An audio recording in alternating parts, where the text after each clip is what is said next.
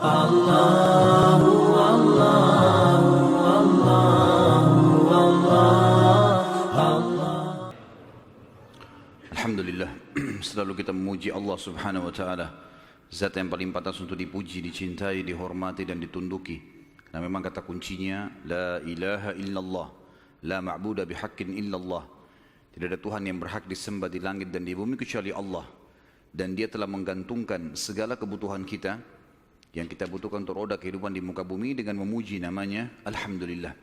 Maka sangat wajar kalau kita selalu mengucapkan kalimat yang mulia ini.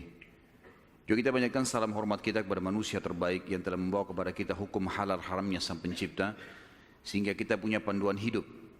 Dan juga sang pencipta Allah telah menjadikan mengucapkan salam hormat kepada manusia terbaik ini sebagai ibadah buat kita dan pendekatan diri kepadanya juga dari sisi yang lain sang pencipta Allah bersama malaikatnya mengucapkan salam hormat kepada manusia terbaik ini. Maka sangat wajar kalau kita selalu mengucapkan salawat dan taslim kepada Nabi besar Muhammad sallallahu alaihi wasallam. Setelah panjang lebar kita jelaskan masuk Yahudi ke Jazirah Arab, Nasrani, bagaimana juga kekuasaan kekuatan dari Najasyi Afrika masuk ke Yaman, bagaimana Yaman dikuasai oleh Persia, kemudian bagaimana akhirnya wilayah Yaman masuk Islam. Kita akan masuk sekarang lebih dalam lagi membahas tentang kelahiran Nabi Shallallahu Alaihi Wasallam. Kita akan masuk mengerucutkan bahasan ke Mekah. Bahasan ini tentu akan saya mulai dari seorang tokoh Mekah bernama Kusai bin Kilab. Kusai bin Kilab. Kusai bin Kilab ini adalah salah satu keturunan dari Fikhir. Dan Fikhir adalah nama lainnya Quraisy. Jadi Quraisy itu julukan. Karena si Fikhir ini seperti saya jelaskan tadi siang, kalau seseorang di negeri Arab atau suku Arab itu memiliki kelebihan fisik, kepintaran, kekayaan, keturunan, maka dinisbatkan suku padanya. Kebetulan dari turunan Ismail alaihissalam di Mekah dan turunan suku Jurhum, ada satu orang yang sangat menonjol bernama Fikhir dan Fikhir ini karena dia menonjol maka diberikanlah nama lainnya Quraisy. Dinisbatkanlah suku Mekah namanya Quraisy.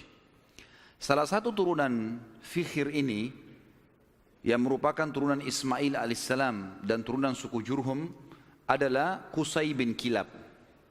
Kalau teman-teman masih ingat di pertemuan kita pada bulan yang lalu, saya pernah menekankan tentang kisah Mekah awalnya dihuni oleh suku Jurhum yang hijrah dari Yaman. Kemudian tinggal bersama Hajar dan Ismail alaihi wassalam. Berjalan bertahun-tahun sampai Ibrahim dan Ismail alaihi wassalam meninggal dunia datang satu suku Arab yang ingin merebut Mekah dan berhasil namanya suku Khuza'ah. Masih ingat ya?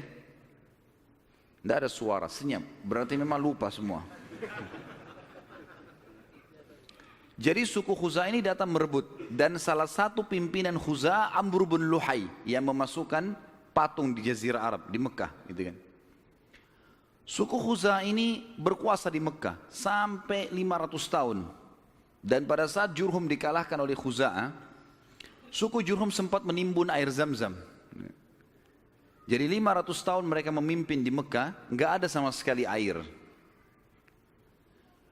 Kita bahas sekarang tentang keadaan satu orang tokoh ini karena kalau panjang kita ceritakan panjang lebar Mekah ini cukup panjang tokoh-tokohnya banyak tapi saya ingin merucutkan ke Kusai bin Kilab. Kusai bin Kilab ini salah satu turunan Jurhum dan turunan Ismail alaihissalam. Dia sempat berpikir bagaimana bisa ini setelah 500 tahun ya.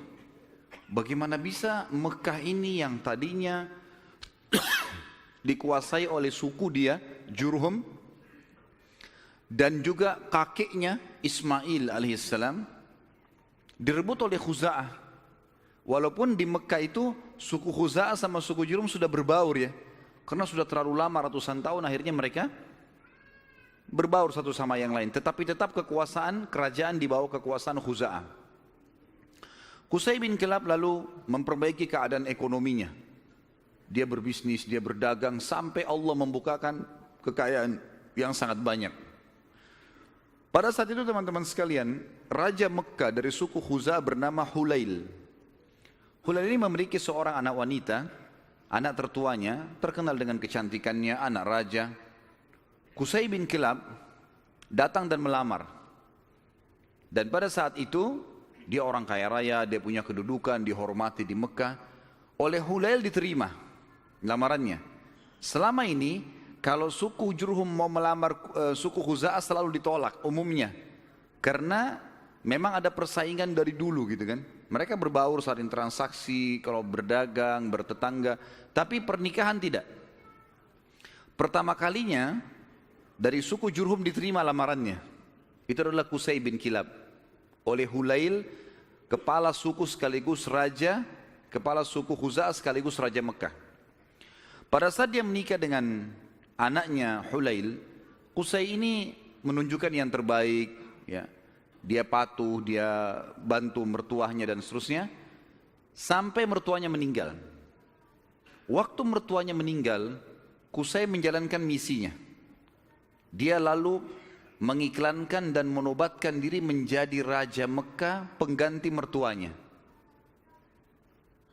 Orang-orang yang dari suku Khuza'ah menolak Bagaimana bisa kau jadi raja? Raja jelas dari Khuza'ah. Kamu dari Jurhum. Enggak boleh gitu. Maka pada saat itu terjadi perseteruan. Sampai akhirnya Kusai meminta pertolongan dari orang-orang sesuku dengan dia dari Jurhum dan Khuza'ah juga berkumpul akhirnya terbentuk dua pasukan dan terjadi peperangan besar di Mekah. Pertumpahan darah yang sangat besar dan banyak sekali korban pada saat itu. Pada saat mereka melihat korban banyak sekali teman-teman sekalian, maka tokoh-tokohnya termasuk Qusay bin Kilab dan anak-anaknya Hulail yang merupakan ipar-iparnya ipar-ipar dari Qusay sendiri, mereka akhirnya sepakat kita harus ada penengah nih yang menjadi mengambil hukum supaya dijelas siapa yang memimpin Mekah. Maka mereka akhirnya sepakat menunjuk satu orang yang dituakan di Mekah pada saat itu dan memang umurnya sudah sangat tua orang ini namanya Ya'mur bin Auf. Ya'mur bin Auf dia ditunjuk oleh orang-orang Quraisy dari Jurhum dan juga ditunjuk oleh orang-orang Ghuza'ah nunjuk dan diambillah sumpah atas nama Allah apa pun keputusan Ya'mur harus diterima. Baiklah.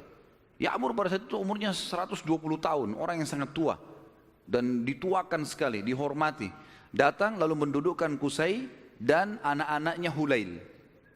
Lalu mulailah ditanya oleh Ya'mur, Wahai Kusai, apa alasan anda membentuk pasukan mau merebut Mekah dari keturunan mertua anda ini? Apa sebabnya? Maka Kusai mengatakan, semua kita ini tahu. Kisah Mekah ini berawal dari kakek saya yang bernama Ismail. Dan Ismail seorang nabi. Ismail menikahi suku Jurhum, anak kepala suku Jurhum, dan itu turunan kami. Kami yang membentuk komunitas di Mekah, kami yang membentuk ekonominya, kami yang membangun Ka'bah, kami yang yang yang yang semuanya disebutkan. Sementara Kusai menyebutkan ini, anak-anaknya Hulail dari suku Khuza'ah nggak bisa ngomong apa-apa. Karena memang semuanya betul. Memang tidak ada. Khuza'ah ditanya, lalu kalian punya apa? Enggak ada. tidak ada andilnya di Mekah. Cuma datang pasukan dari luar menyerang Mekah, kemudian langsung menguasai. Enggak ada andil sama sekali. Tiba-tiba pada saat itu Ya'mur mengambil sebuah keputusan mengatakan, keputusan yang mutlak, seluruh Mekah, kerajaannya, kekuasaannya, pengurusan Eh, jemaah hajinya, pengurusan Ka'bahnya, ya. semuanya untuk Qusay bin Kilab. Maka dengan keputusan ini teman-teman sekalian, Qusay bin Kilab menjadi Raja Mekah. Menjadi Raja Mekah. Dan pada saat itulah kerajaan yang sudah hilang 500 tahun dari keturunan Jurhum kembali. Pada saat itu Kusai melakukan banyak sekali perkembangan di Mekah, di antaranya dia membangun sebuah tempat namanya Darun Nadwa. Darun Nadwa ini oleh Kusai dibuat sangat luas, sangat besar, sebuah auditorium kalau kita sekarang sangat luas gitu kan. Tapi belum ada buku sejarah yang menyebutkan seberapa luas, seberapa dia menampung manusia. Tapi dari buku-buku sejarah disebutkan Darun Nadwa pada saat itu multifungsi. Dilakukan apa saja di situ. Pertemuan orang-orang Mekah, pertemuan tokoh-tokoh Mekah, sampai Kusai bin Kilab melarang siapa pun orang Mekah menikah kecuali di Darun Nadwa. Harus di Darun Nadwa. Kalau anak anak bayi baru lahir, bawa ke Darun Nadwa. Pokoknya Darun Nadwa ini menjadi simbolnya Mekah. Termasuk juga pada saat Orang-orang Quraisy ingin memerangi Nabi Shallallahu Alaihi Wasallam. Nanti kita akan belajar pada saat beliau mau hijrah pun ke Madinah atau mau dibunuh, itu mereka kumpulnya di Darun Nadwah ini. Qusay bin Kilab pada saat sudah mulai tua teman-teman sekalian, dia memperhatikan di antara anak-anaknya, anaknya banyak sekali. Tapi ada dua orang yang menonjol, artinya anak pertama bernama Abduddar dan anak kedua bernama Abdul Manaf. Sudah hafal belum? Ngangguk-ngangguk saja. Allahu alam. Faham atau enggak enggak tahu. Abdul Dar dan Abdul Manaf. Abdul Dar anak pertamanya si Kusai. Abdul Manaf anak kesekian. Saya tidak temukan anak keberapa tapi Abdul Dar karena anak pertama biasanya kalau dinisbatkan nama seseorang adalah nama anak pertamanya. Jadi Kusai ini dipanggil Abu Abduddar gitu. Tapi Abduddar ini orangnya lemah secara fisik. Dia nggak punya keterampilan, nggak punya kepintaran sehingga tidak punya kedudukan di tengah-tengah masyarakat. Sementara adik-adiknya semua, terutama Abdul Manaf menonjol sekali. Punya suara, berdagang, majulah gitu. Maka Kusai ingin anaknya ini Abduddar punya kedudukan. Apa yang dia lakukan? Pada saat dia mau meninggal, dia tulis sebuah keputusan surat kalau kalau saya meninggal semua kerajaan, semua pengurusan Ka'bah, jemaah haji itu di tangan Abduddar. Waktu Kusai meninggal dunia, surat dibuka ditemukan tertulis seperti itu maka semua anak-anaknya patuh keputusan raja. Abduddar akhirnya menjadi raja. Berjalan waktu teman-teman sekalian Abduddar wafat. Pada saat wafat, keturunan Abduddar mau melanjutkan kerajaan ayahnya, tapi turunan Abdul Manaf tidak setuju, nggak bisa. Abduddar ini, paman kami dulu ini, ayah kalian, itu dipilih oleh kakek kita semuanya, Kusai, karena dia nggak punya kedudukan dan kemuliaan. Sudah dikasih dan sudah berhasil. Sekarang nggak bisa kembali kepada kalian. Harusnya ini dibagi rata. Sampai mereka pada saat itu hampir perang satu sama yang lain. Sama lagi. Dicarilah hakim di antara mereka dan akhirnya kesimpulannya dibagi.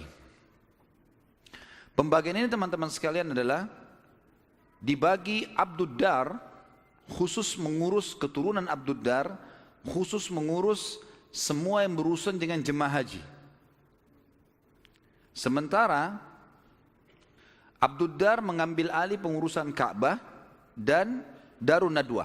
Sementara Abdul Manaf mengurus jemaah haji. Dibagi dua. Kita akan sedikit sisipkan di sini teman-teman sekalian kisah tentang Darun Nadwa ini yang tadi dibuat. Kita tinggalkan dulu sebentar tadi sampai ke masalah sudah pembagian Mekah. Abduddar mengurus Ka'bah dan juga ha? Darun Nadwa. Haji itu Abdul Manaf. Ya. Jadi haji ini maksudnya mengurus jemaah haji, kasih minum, kasih makan. Mereka dulu sukanya begitu. Dan mereka ini terkenal dengan dermawannya. Tidak boleh jemaah haji beli makanan, beli minuman, dikasih semua gratis. Seperti itulah. Darun Nadwa ini punya kisah unik sedikit. Saya khawatir lupa maka saya sisipkan di sini. Darun Nadwa tadi yang dibuat oleh Kusai bin Kilab dan menjadi simbol Mekah.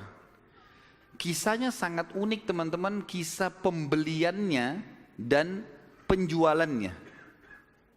Jadi ada satu orang nanti jadi sahabat Nabi namanya Hakim bin Huzam radhiyallahu anhu. Sebelum masuk Islam, Hakim bin Huzam ini suka mabuk. Masih di Mekah di masa jahiliyah. Dia bersahabat dekat dengan pemegang kuncinya Darun Nadwa. Jadi yang bertanggung jawab. Dari turunan Abdiddar.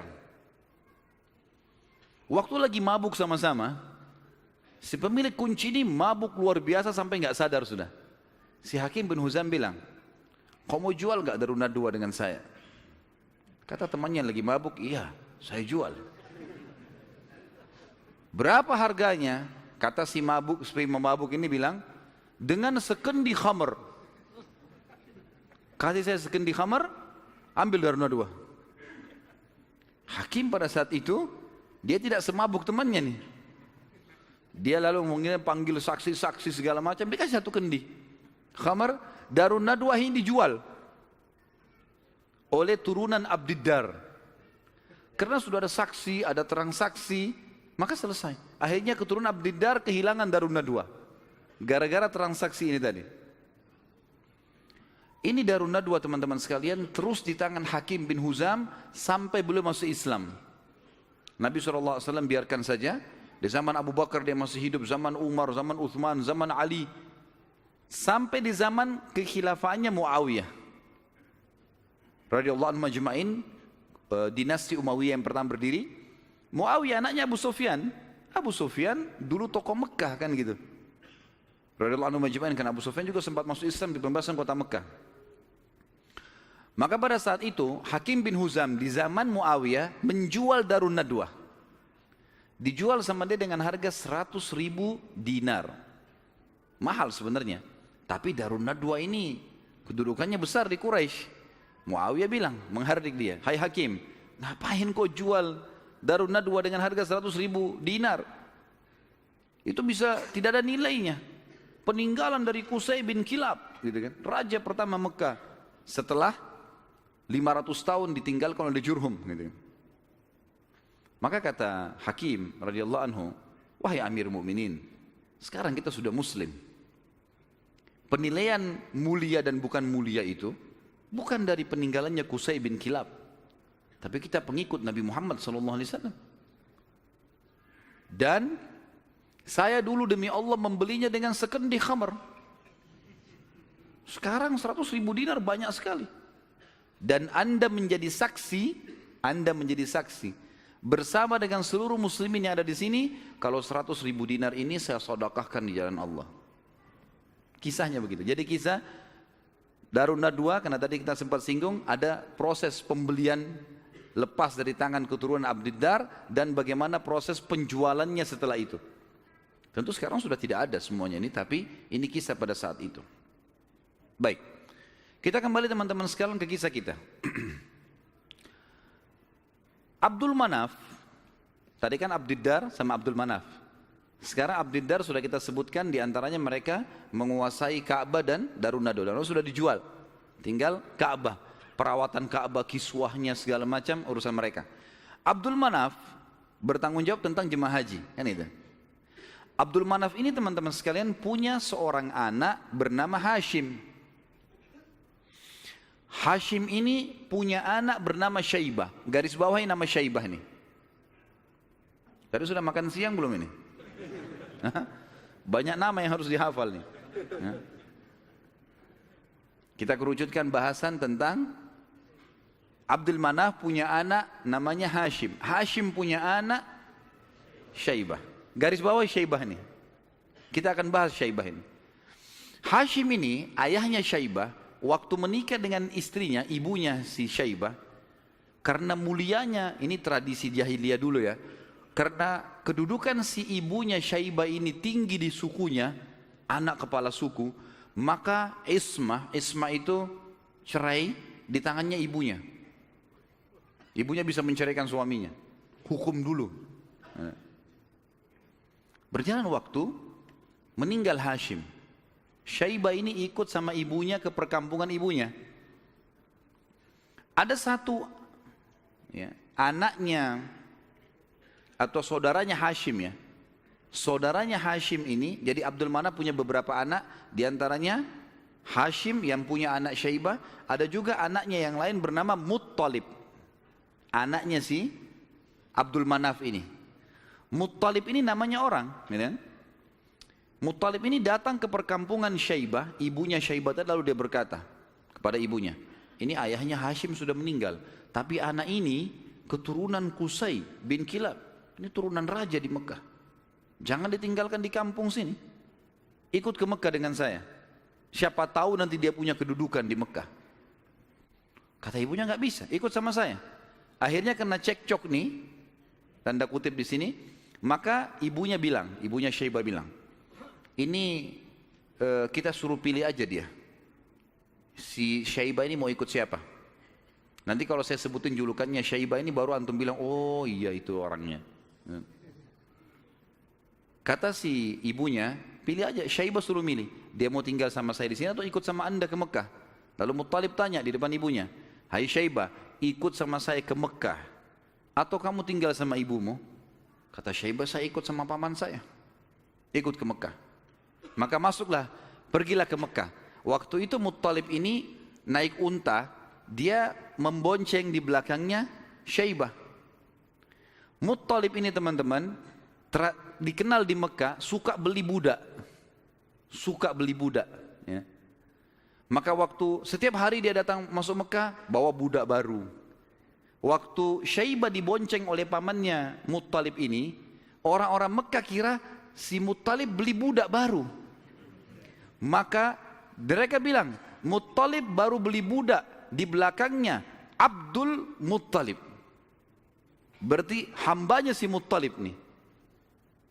Sudah tahu nama Syaibah siapa? Yang antum kenalkan selama ini Abdul Muttalib. Namanya dia Syaibah. Jelas?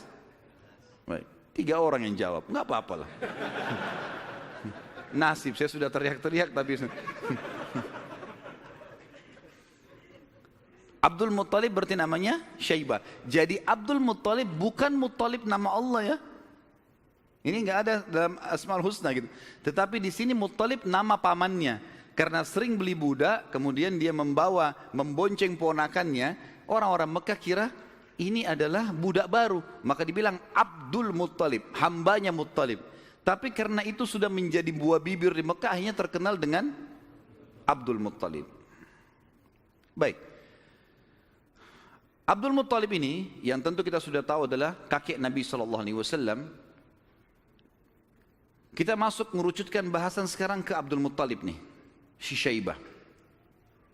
Kita sudah kerucutkan bahasan dari Abdul Manaf, ada anaknya Hashim, Hashim punya anak Syaibah. Syaibah ini Abdul Muttalib. Kita harus kerucutkan begitu supaya nanti ngerucut ke Nabi Wasallam. Karena kalau melebar akan jalur nasab Quraisy banyak sekali. Abdul Muttalib ini pada saat dia masuk ke Mekah, kemudian dia menikah, Allah karuniakan dia satu orang anak. Anaknya diberi nama Harith. Satu anak dikasih. Waktu Harith sudah mulai bujang, mencapai umur sekitar 17 tahun, Abdul Muttalib ini Syaibah mimpi malam-malam. Dia mendengar suara dalam mimpinya, ihfirit ta, ta, ihfirit tiba Maksudnya galilah tiba. Tiba itu sesuatu yang baik. Lalu dia bertanya, mat tiba? Apa itu tiba? Hilang suara itu. Hari kedua dia mimpi lagi. Dengar lagi suara. Ihfiril barrah. Galilah sesuatu yang baik. Yang bermanfaat. Dia tanya, mal barrah. Apa itu barrah? Yang baik itu apa? Hilang lagi suara itu. Hari ketiga dia mimpi lagi. Ihfiril madmunah. Gali sesuatu yang terjamin. Dia tanya, mal madmunah. Apa itu madmunah? Hilang lagi. Hari keempat, baru dia mimpi dan dia dengar, ihfir zamzam. Galilah zamzam itu. Zamzam ini di zaman itu cuma seperti sebuah histori lama, kenangan. 500 tahun tidak ada sumur zamzam, hilang. Jadi selama Khuza'ah berkuasa teman-teman sekalian di Mekah, mereka selalu mendatangkan air dari luar. Beli mahal dari luar Mekah, sumur-sumur di luar Mekah. Abdul Muttalib ini pernah dengar kalimat Zamzam. Penasaran dia. Terus dia tanya, dalam, dalam mimpi dia tanya, Mas Zamzam, apa itu Zamzam? Lalu keluarlah suara itu mengatakan, dan dia dengar pada saat itu ya, kalau dalam buku-buku sejarah disebutkan, La tanzifu abada, sesuatu yang tidak akan pernah rusak, wala tarum juga ya, sesuatu yang selalu bersih dan tidak akan pernah rusak. Taskil hajijal a'zam, engkau akan memberikan dengannya air para jemaah haji. Dikatakan wahia bainar rafthi wad dam.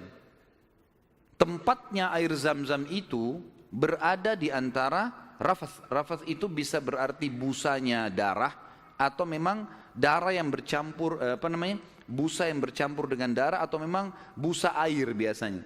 Jadi dikatakan sini ciri-cirinya adalah su, tempat zam-zam itu ada darah yang bercampur dengan rafath dengan busa kemudian bercampur sama tanah.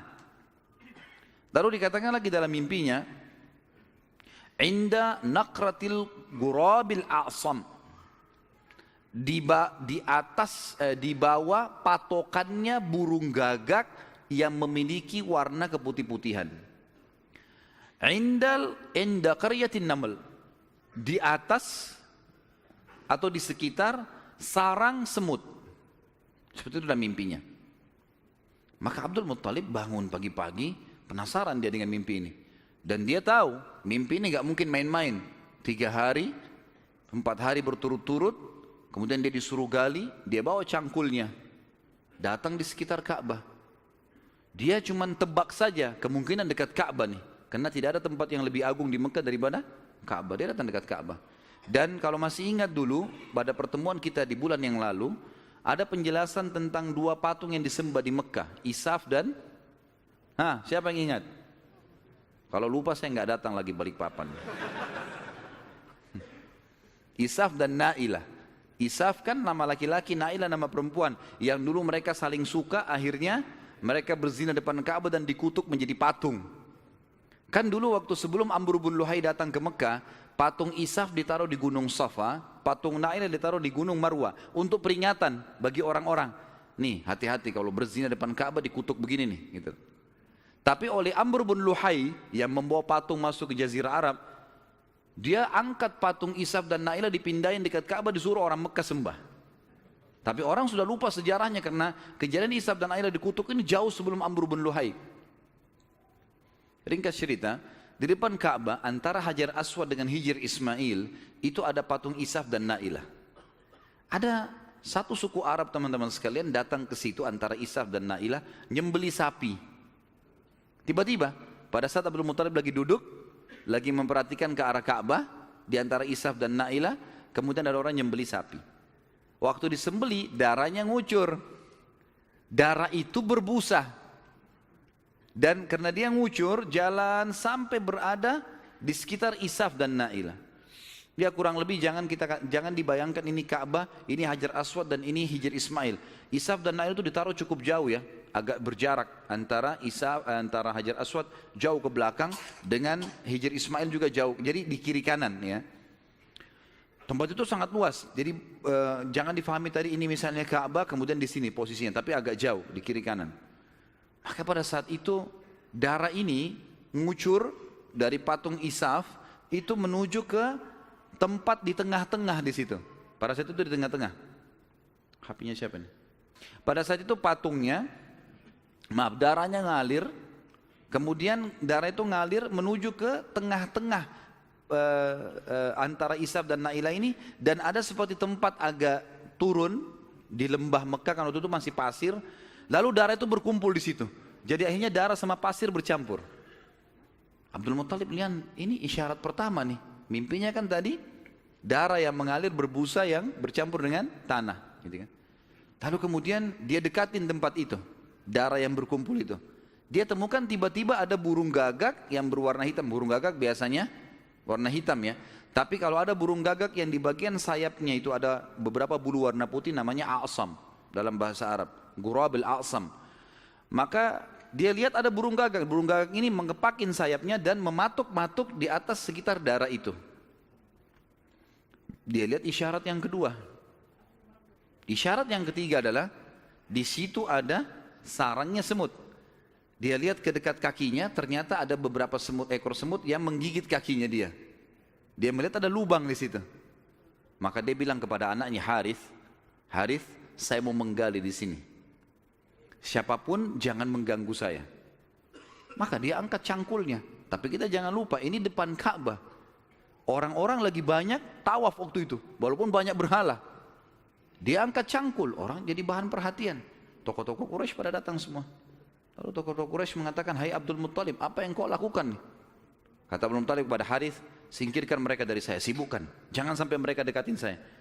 Terus saja Harith menyibukkan orang-orang Quraisy dan Abdul Muttalib terus saja mencangkul sampai ujung cangkulnya menyentuh bibirnya sumur itu. Sumur Zam-Zam. Dan dengan kuasa Allah, airnya muncrat keluar. Pada saat airnya muncrat keluar, Abdul Muttalib mengatakan, Allahu Akbar. Karena memang mereka menggunakan bahasa Arab dan kalimat Allahu Akbar itu sudah biasa mereka ucapkan, gitu kan? Maka orang-orang Quraisy tahu kalau Abdul Muthalib sudah dapat target dan mereka kaget untuk lihat air muncrat, air di depan Ka'bah. Selama ini selalu ambil dari luar. Ini kemuliaan abadi gitu kan? Maka tiba-tiba orang Quraisy datang, "Hai Abdul Muthalib, air ini kita punya sama-sama." Kata Abdul Muthalib, "Dari mana sama-sama?" Saya yang mimpi, saya yang cangkul, saya yang dapat. Dari mana kalian punya sama-sama nih? Ribut nih. Abdul Muttalib bilang, ini punya saya. Quraisy bilang enggak, dikeroyokin Abdul Muttalib pada saat itu. Ribut akhirnya mereka sepakat panggil hakim lagi. Ini hakimnya nih, cari penengah. Bagaimana caranya supaya ini bisa ditengahi gitu kan. Insya Allah masalah di tengah ini kita lanjutkan habis sholat isya. Subhanakallahumma bihamdika asyhadu an la ilaha illa atubu ilaik. Wassalamualaikum warahmatullahi wabarakatuh. Assalamualaikum warahmatullahi wabarakatuh. Alhamdulillah wassalatu wassalamu ala Rasulillah. Kita lanjutkan bahasan kita. Akhirnya Abdul Muttalib setelah menemukan sumur Zam-Zam, orang-orang Quraisy tetap menuntut untuk dibagi. Dan Abdul Muttalib bertahan, nggak bisa. Nih. Saya mimpi, saya yang gali, saya yang temukan. Gimana kalian merasa punya hak di situ? Ribut akhirnya dicarilah penengah.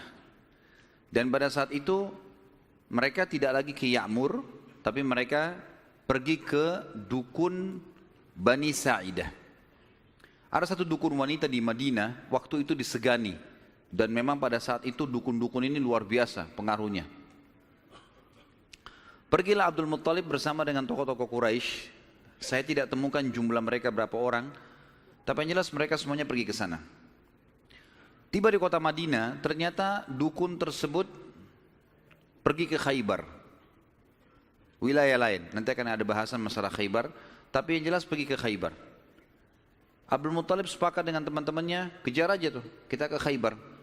Antara Madinah sama Khaybar cukup jauh dan ada padang pasir yang luas sekali. Mereka belum pernah ke Khaybar sebelumnya. Jadi masih menerka-nerka jalan. Di tengah jalan mereka kehabisan air. Mau balik ke Madinah jaraknya jauh. Mau menuju ke Khaybar belum jelas tujuannya. Air habis. Panas lagi sangat terik pada saat itu. Mereka bermusyawarah, kira-kira bagaimana jalan keluarnya nih? Akhirnya orang-orang Quraisy selain Abdul Muttalib sepakat mengatakan kayaknya kita pasti mati nih nggak ada air. Kembali ke Madinah bisa mati tengah jalan, menuju ke Khaybar juga nggak jelas bisa mati tengah jalan. Ya sudahlah, kita pasti mati, lebih baik kita gali kubur saja. Riwayatnya begitu, kisahnya begitu. Gali kubur. Dari sekian orang ini, nanti setiap siapa yang mati duluan dikubur oleh temannya. Minimal nanti ada satu orang yang tidak tertutup kuburannya, yang lain semua tertutup. Akhirnya mereka pada gali kuburan, kecuali Abdul Muttalib nih. Abdul Muttalib bilang ini bukan ide yang tepat nih. Masa kita menyerah? Lebih baik coba kita cari jalan. Teman-temannya bilang percuma mau ke mana? Abdul Muttalib naik ke atas untanya. Begitu untanya bergerak dari pijakan kakinya untanya Abdul Muttalib keluar muncrat air di padang pasir itu. Keluar mata air. Lalu Abdul Muttalib melihat dia turun dari untanya, dia minum airnya, untanya dikasih, lalu diajak teman-temannya, ayo ini ada air minum. Teman-temannya heran di padang pasir ada air. Maka akhirnya mereka sepakat mengatakan demi Allah yang telah memberikan demi Allah sungguh ya yang telah memberikan air kamu di sini Allah subhanahu wa ta'ala, dialah yang telah memberikan kamu air zam-zam. Zam-zam punya kau, hai Abdul Muttalib. Gara-gara ini, akhirnya zam-zam jadi miliknya Abdul Muttalib. Dan Abdul Muttalib keturunan dari Abdul Manaf. Sementara memang dasarnya, Abdul Manaf tadi sudah saya jelaskan, mereka bertugas memberikan makanan dan minuman jemaah haji. Sehingga sekarang mereka tidak perlu lagi mengambil air dari luar, tapi mereka sudah punya mata air zam-zam. Dan sebagian ahli sejarah menanggapi mengatakan Allah yang maha tinggi dan maha pemurah memudahkan mata air zam-zam ditemukan kembali oleh Abdul Muttalib karena memang suku ini dari turunan Abdul Manaf bertugas untuk memberikan minum dan makan jemaah haji. Maka karena itu Allah subhanahu wa ta'ala kasih. Makanya tadi dalam salah satu perkataan dan pernyataan dalam mimpi, Taski hajijil a'zam. Engkau akan memberikan minum jemaah haji yang banyak gitu kan. Jadi bukan karena Abdul Muttalibnya, tapi karena memang waktu itu diberikan untuk jemaah haji umumnya. Baik, baliklah Abdul Muttalib ke Mekah dan akhirnya pada saat itu Abdul Muttalib dinobatkan secara tidak langsung sebagai Raja Mekah. Kenapa saya katakan tidak langsung? Karena pada saat itu Quraisy sepakat di Mekah itu semua kepala suku bisa memimpin. Bisa memimpin. Tidak harus fokus ke Abdul turunan Abdul Manaf atau Abdul Mana, Abdul atau Abdul Dar, tapi mereka Abdul Manaf Abdul Dar ini mereka yang memegang Ka'bah, memegang uh, apa namanya? urusan haji dan uh, jemaah haji, minum dan makannya ini. Tapi pasukan segala macam ini boleh dari mana saja. Tapi dengan kejadian Abdul Muttalib menemukan air zam-zam, maka terkerucut lagi masalah orang-orang Mekah karena tadi setelah Abdul Dar meninggalkan kita sudah bilang tadi kan pecah ya Abdiddar kan jadi raja pengganti ayahnya Kusai. Tapi setelah Abdiddar mati ribut anak-anaknya. Akhirnya tidak ada raja. Setelah kejadian air zam-zam, secara tidak disadari Abdul Muttalib ditunjuk menjadi raja. Dan inilah sebabnya waktu kita jelaskan tadi masalah pasukan gajah yang datang, Abdul Muttalib kan menjadi raja pada saat itu. Dan menjadi raja justru karena menemukan mata air zam-zam ini. Abdul Muttalib pada saat itu mulai naik kedudukannya, namanya jadi tambah baik dan seterusnya. Memang orangnya sangat dermawan. Semua orang boleh minum air zam-zam tapi melalui izin dia. Tapi tidak bayar, gitu kan? Dikasih semuanya. Abdul Muttalib mulai berpikir, waktu dia tadi punya anak satu, namanya Harith. Masih ingat nggak? Wah, ngaku-ngaku aja. Baiklah, saya terima. Anaknya tadi satu, Harith. Yang disuruh jaga sama dia waktu dia mencangkul kan? Baiklah. Si Harith, dia pikir, waktu saya tadinya punya anak satu nih, kayaknya kerepotan, gak ada yang bisa bela dia. Dan seorang raja, salah satu kebanggaannya kalau punya keturunan banyak. Maka dia pada saat itu berazam, bernazar ya. Kalau Allah memberikan dia anak laki-laki yang banyak, jumlahnya mencapai sepuluh, dia akan menyembeli salah satunya. Dikorbankan di depan Ka'bah untuk Allah. Gak ada dalam syariat Nabi Ibrahim alaihissalam ini ijtihadnya, upayanya Abdul Muttalib. Subhanallah berjalan waktu, ah, istrinya melahirkan, melahirkan, punya anak 16. Anaknya Abdul Muttalib 16. 10 laki-laki, 6 perempuan. Laki-laki yang 10 ini yang paling pertama tentu ada namanya Harith ya. Kemudian ada jadi dari 10 ini kita bagi. Enam, enam ini meninggal sebelum masa kenabian. Empat mendapatkan masa kenabian. Dari 10 anak Abdul Muttalib yang laki-laki, ada enam yang meninggal sebelum fase kenabian, sebelum penobatan Nabi SAW menjadi Nabi. Ini paman-paman Nabi semua ya. Dan ada empat yang yang yang mendapatkan fase atau masa kenabian. Enam orang yang tidak dapat masa kenabian ini tentu dimulai dari Harith tadi, anak pertamanya Abdul Muttalib. Kemudian tentu ada juga ada beberapa nama ya, saya sebutkan Harith, Dirar, Hijir, Muqaddam, Zubair. Dan yang keenam Abdullah, ayahnya Nabi SAW. Abdullah ini sebenarnya anak paling bungsu dari Abdul Muttalib. Anak ke sepuluh. Anak ke sepuluh dari sepuluh anak laki-lakinya. Ya. Maka enam orang ini meninggal sebelum masa kenabian. Harith, Dirar, Hijir, Muqaddam, Zubair dan Abdullah. Dan ada empat orang hidup sampai masa kenabian. Dua beriman, dua kafir. Yang beriman adalah Hamzah dan Abbas radhiyallahu anhum. Ini sempat beriman pada Nabi SAW dan mulia. Hamzah bahkan menjadi pimpinan para syuhada, mati syahid mulia di perang Uhud dan Abbas hidup sampai setelah Nabi SAW meninggal pun sampai di zaman Khilafah Umar. Ya? Kemudian ada dua yang hidup di masa kenabian tapi kafir, enggak beriman. Abu Talib dan Abu Lahab. Ya. Abu Talib ini nama lainnya dia Abdul Manaf. Diambil dari nama kakeknya, tapi terkenal dengan Abu Talib. Abu Lahab julukan namanya Abdul Uzzah. Dan kita tahu surah Al-Masa turun pada Abu Lahab ini. Ya. Paman Nabi SAW benci sekali dengan Nabi, benci dengan dakwah. Nanti akan kita ceritakan kisahnya di pertemuan akan datang. Yang jelas ini 10 orang anak laki-laki Nabi SAW. Kemudian ada enam orang anak perempuan. Yang pertama Sofia. Sofia ini ibunya Zubair bin Awam. Radiyallahu anhu. Dan Sofia nanti akan kita ceritakan kisahnya luar biasa pemberani perempuan ini. Gitu kan. Dan dia mendidik Zubair bin Awam dengan sangat tegas. Jadi kalau dia jalan, dia membawa Zubair, dia latih di tempat gelap sengaja dia diam. Kalau Zubair nangis ditinggalin, dibiarin. Karena mau dilatih. Orang-orang semua pada hardik, hai Sofia kenapa kau gitu kan anakmu? Saya mau dia jadi pemberani. Dan betul-betul jadi pemberani Zubair. Zubair itu di peperangan-peperangannya kalau teman-teman ikuti ceramah saya di YouTube ada serial sahabat di antara Zubair bin Awam itu luar biasa. Kalau pasukan lagi berhadapan, dia dia dia maju ke depan musuh. Jadi musuh di depan ini, kemudian dia di depannya. Tunggu takbir di belakang, dia serang duluan sendirian. Luar biasa beraninya, radhiyallahu anhu. Ibunya namanya Sofia, tante Nabi SAW. Dan ini sempat masuk Islam di tangan Nabi SAW.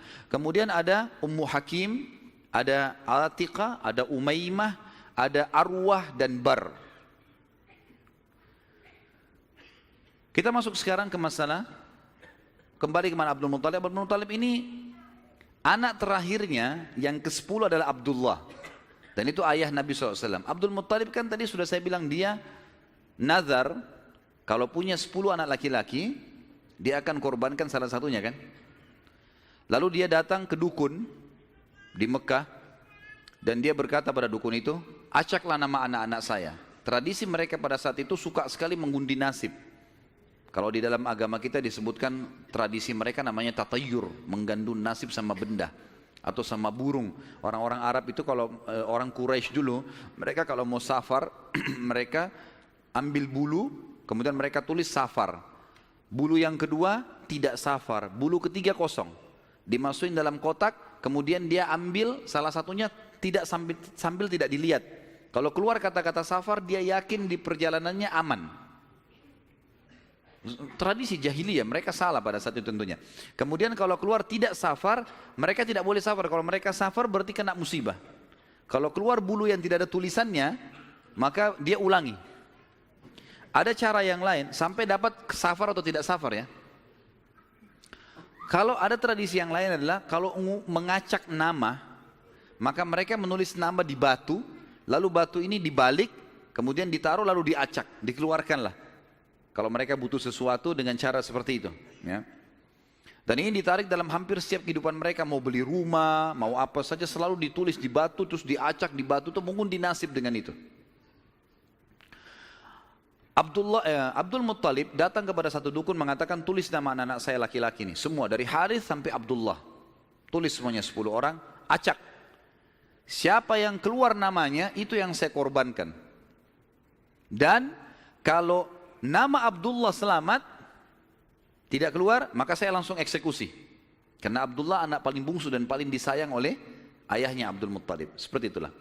Baik diacaklah batu ini, diambil batu, keluar namanya Abdullah. Abdul Muttalib berat sebenarnya. Ini anak paling bungsu disayang. Musyawarah sama anak-anaknya gimana? Gak apa-apa ya, acak aja lagi. Acak lagi, yang kedua kali namanya Abdullah lagi. Sampai tiga kali. Namanya Abdullah terus yang diambil, keluar. Padahal ini batu diacak 10 nama. Kata Abdul Muttalib berarti sudah memang anak ini nasibnya. Bawa. Bawa Abdullah. Dibawalah Abdullah ini ke depan Ka'bah, ditaruh di atas sebuah batu. Biasanya mereka taruh di situ sembelihan, taruh kambing, taruh apa dipegang di atas batu itu baru mereka sembeli untuk berhala-berhala gitu kan. Ditaruhlah Abdullah mau disembeli sama dia. Ikat tangannya, ikat kakinya, angkat pedang mau disembeli. Orang-orang Quraisy lihat. Apalagi yang Abdul Muthalib buat nih. Datang tanya, hai Abdul Muthalib, apa yang kau lakukan? Saya sudah nazar, kalau Allah kasih saya 10 anak, saya sembeli salah satunya. Dan saya sudah acak nama-nama anak-anak saya yang keluar anak ini. Saya mau jalankan nazar saya. Orang-orang Quraisy bilang nggak bisa, jangan. Mereka berusaha tahan. Akhirnya Abdullah ini ditarik-tarik. Ini. Sampai akhirnya karena ditarik-tarik ada orang Quraisy yang sempat menarik bagian badannya dan ada yang menarik kupingnya sampai kuping Abdullah itu sempat luka. Maka ada julukan sendiri dikatakan Abdullah yang luka kupingnya. Gitu. Ayah Nabi SAW. Baik. Pada saat itu orang-orang Quraisy mengatakan wahai Abdul Muttalib, sadarlah kalau kau lakukan ini sementara kamu adalah tokoh masyarakat di Mekah, maka akan menjadi sebuah tradisi nanti ini. Akhirnya setiap orang punya 10 anak laki-laki, satu disembeli. Dan apa kenikmatannya orang kalau sudah punya anak disembeli gitu. Jangan dilakukan. Mari kita berhukum, berhukum lagi. Cari hakim.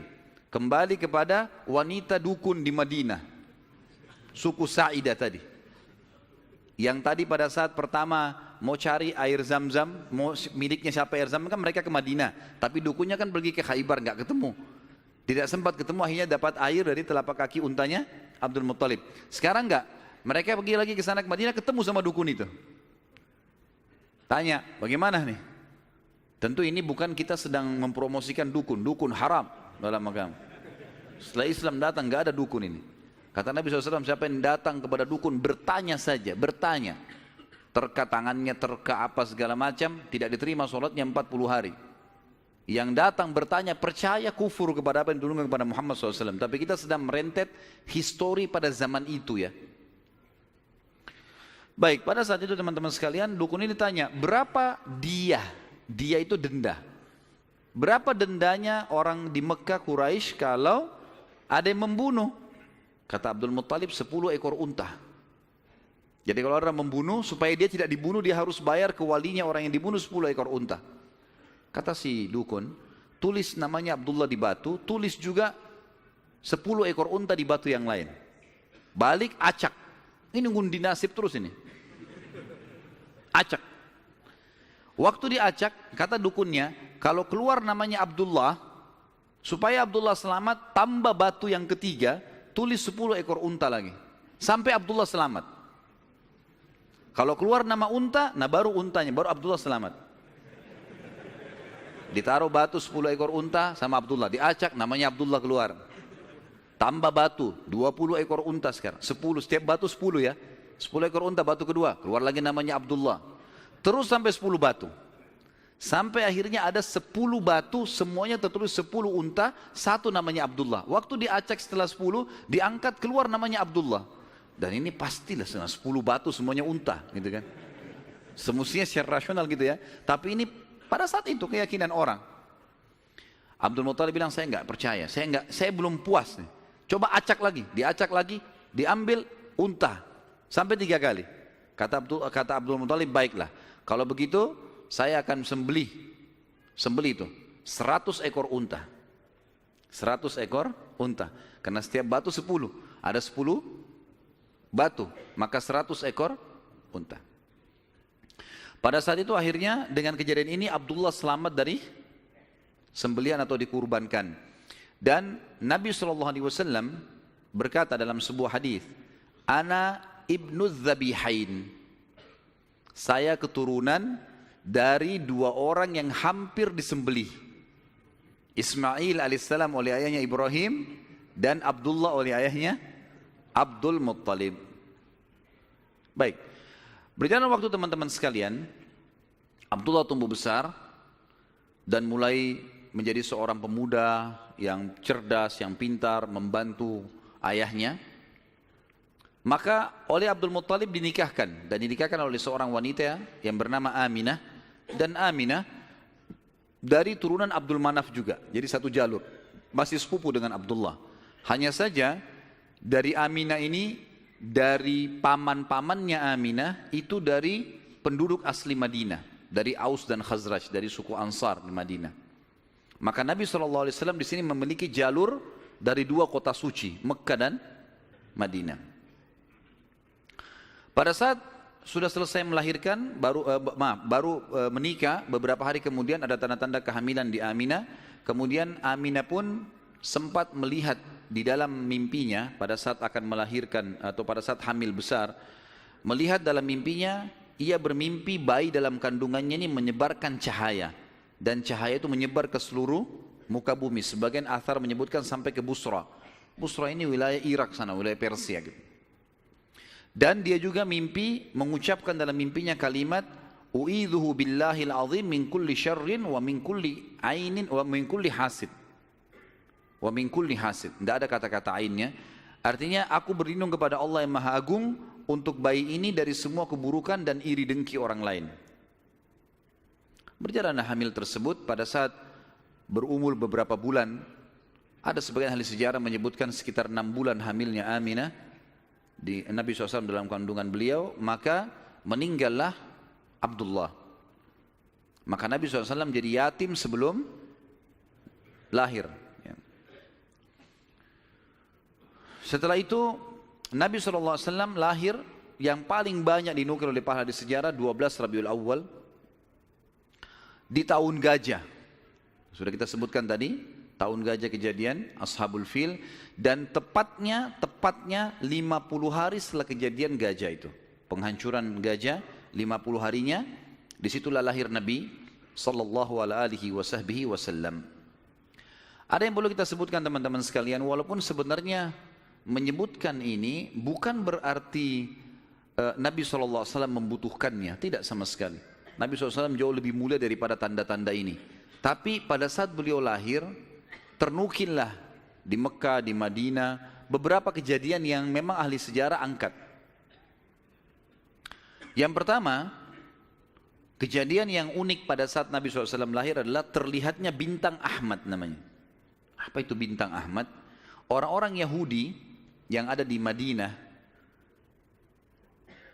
itu meyakini kalau nabi terakhir yang mereka tunggu di Madinah keluar itu kalau mereka kalau dia lahir akan kelihatan bintang yang mereka istilahkan dengan bintang Ahmad.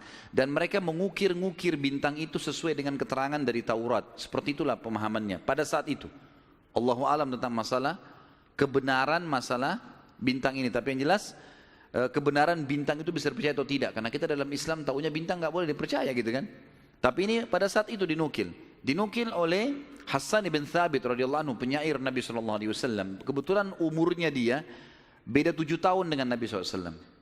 Beliau mengatakan setelah masuk Islam, setelah Nabi SAW hijrah ke Madinah, beliau mengatakan pada hari Nabi SAW lahir, aku kebetulan berada di salah satu benteng Yahudi dan naiklah di malam hari kebetulan Salah satu pendeta Yahudi lalu teriak dengan suara keras, Wahai Yahudi, hai sekalian kaum Yahudi, sungguh telah terlihat pada malam ini bintangnya Ahmad dan tidak terlihat kecuali pada saat ia lahir.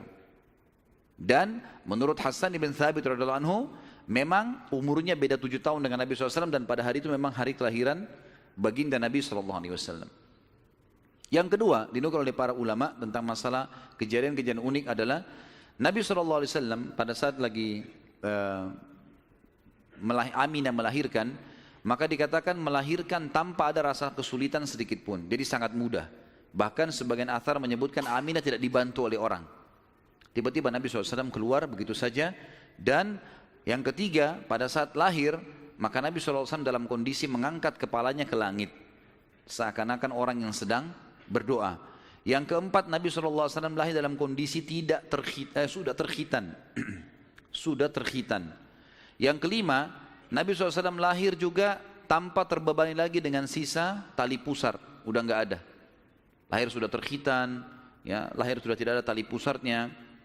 Sampai poin di sini, sampai poin kelima ini, empat poin ya, karena poin pertama tadi itu kejadian di Madinah. Jadi empat poin ini Aminah melahirkan dengan sangat mudah. Nabi SAW seperti berdoa ke langit, kemudian terhitan, kemudian eh, apa namanya? Tali pusarnya sudah terlepas. Maka Abdul Muttalib kakeknya Bangga sekali datang, sangat senang pada saat itu dia berkata, sungguh pada cucuku atau anakku ini ada perkara besar. Lalu Abdul Muttalib pun membawa bayi Nabi SAW ke Ka'bah saat baru lahir dan ia yang memberi nama Muhammad. Yang memberi nama Muhammad. Baik. Ada sedikit rahasia masalah nama Muhammad ini. Perlu teman-teman tahu, nama Muhammad sebelum Nabi Muhammad SAW tidak dikenal oleh orang-orang Arab. Gak ada satupun orang Arab bernama Muhammad pada saat itu. Belum ada. Terus dari mana nama ini? Kok Abdul Muttalib bisa berikan nama cucunya? Ada kisahnya. Jauh sebelum lahir Nabi SAW, Abdul Muttalib pernah jalan-jalan ke negeri Syam bersama dengan tiga orang sahabatnya. Yang pertama Sulaiman bin Mujazi' salah satu kepala suku di Mekah. Yang kedua Hulaila bin Hajij. Dan yang ketiga Himran bin Rabi'ah. Tiga orang ini bersama Abdul Muttalib empat, empat orang ini pergi ke negeri Syam. Pas tiba di negeri Syam, ada salah satu pendeta Nasrani menemui mereka lalu berkata, kalian dari mana? Kata Abdul Muttalib dari Jazirah Arab. Dari mana tempatnya? Dari kota Mekah. Kata pendeta itu, dari kota kalian nanti akan keluar Nabi terakhir. Dan Nabi terakhir itu bernama Muhammad. Kata Abdul Muttalib, dari mana engkau tahu itu semua? Dia bilang dari kitab kami. Dalam Injil disebutkan. Namanya Muhammad. Maka keempat orang ini bertekad pada saat itu untuk memberikan nama kalau mereka dikaruniai anak setelah itu atau cucu Muhammad. Dan dari empat orang ini pada saat balik ke Mekah orang yang pertama mendapatkan cucu laki-laki adalah Abdul Muttalib. Itulah Nabi Muhammad SAW. Maka dia pun mengangkat bayi Nabi SAW lalu keliling di dekat Ka'bah lalu mengatakan anak ini memiliki perkara yang besar. Aku memberikan nama Muhammad. Aku memberikan nama Muhammad. Terus dia mengucapkan kalimat itu. Kemudian selanjutnya teman-teman sekalian, yang keenam adalah goncangnya istana Kisra di Persia dan rubuhnya 14 teras istananya. Jadi ada teras-terasnya istana itu rubuh semua tanpa sebab. Rusak semuanya. Pada saat melihat kejadian tersebut, Kisra sempat khawatir, lalu dia bertanya kepada para peramal-peramalnya lah, dukun-dukunnya segala, maka mereka pun menjawab, goncangnya istana disebabkan karena hari ini lahir seseorang nabi dan runtuhnya 14 teras ini menandakan terdapat 14 raja Persia, tinggal 14 orang saja. Selebihnya sudah runtuh kerajaan ini. Maka sempat Kisra bilang, 14 raja masih lama. Kalau satu raja punya 1100 tahun umurnya, berarti 1400 tahun. Tapi tanpa disadari oleh Kisra, apalagi di sejarah muslim menukil, tanpa membenarkan ramalan ini ya, kita bukan membenarkan. Karena ramalan itu semua, kalaupun bertepatan, karena mereka mencuri, syaitan mencuri berita dari langit. Bukan karena mereka tahu. Sebagaimana dijelaskan dalam ada hadis Nabi SAW.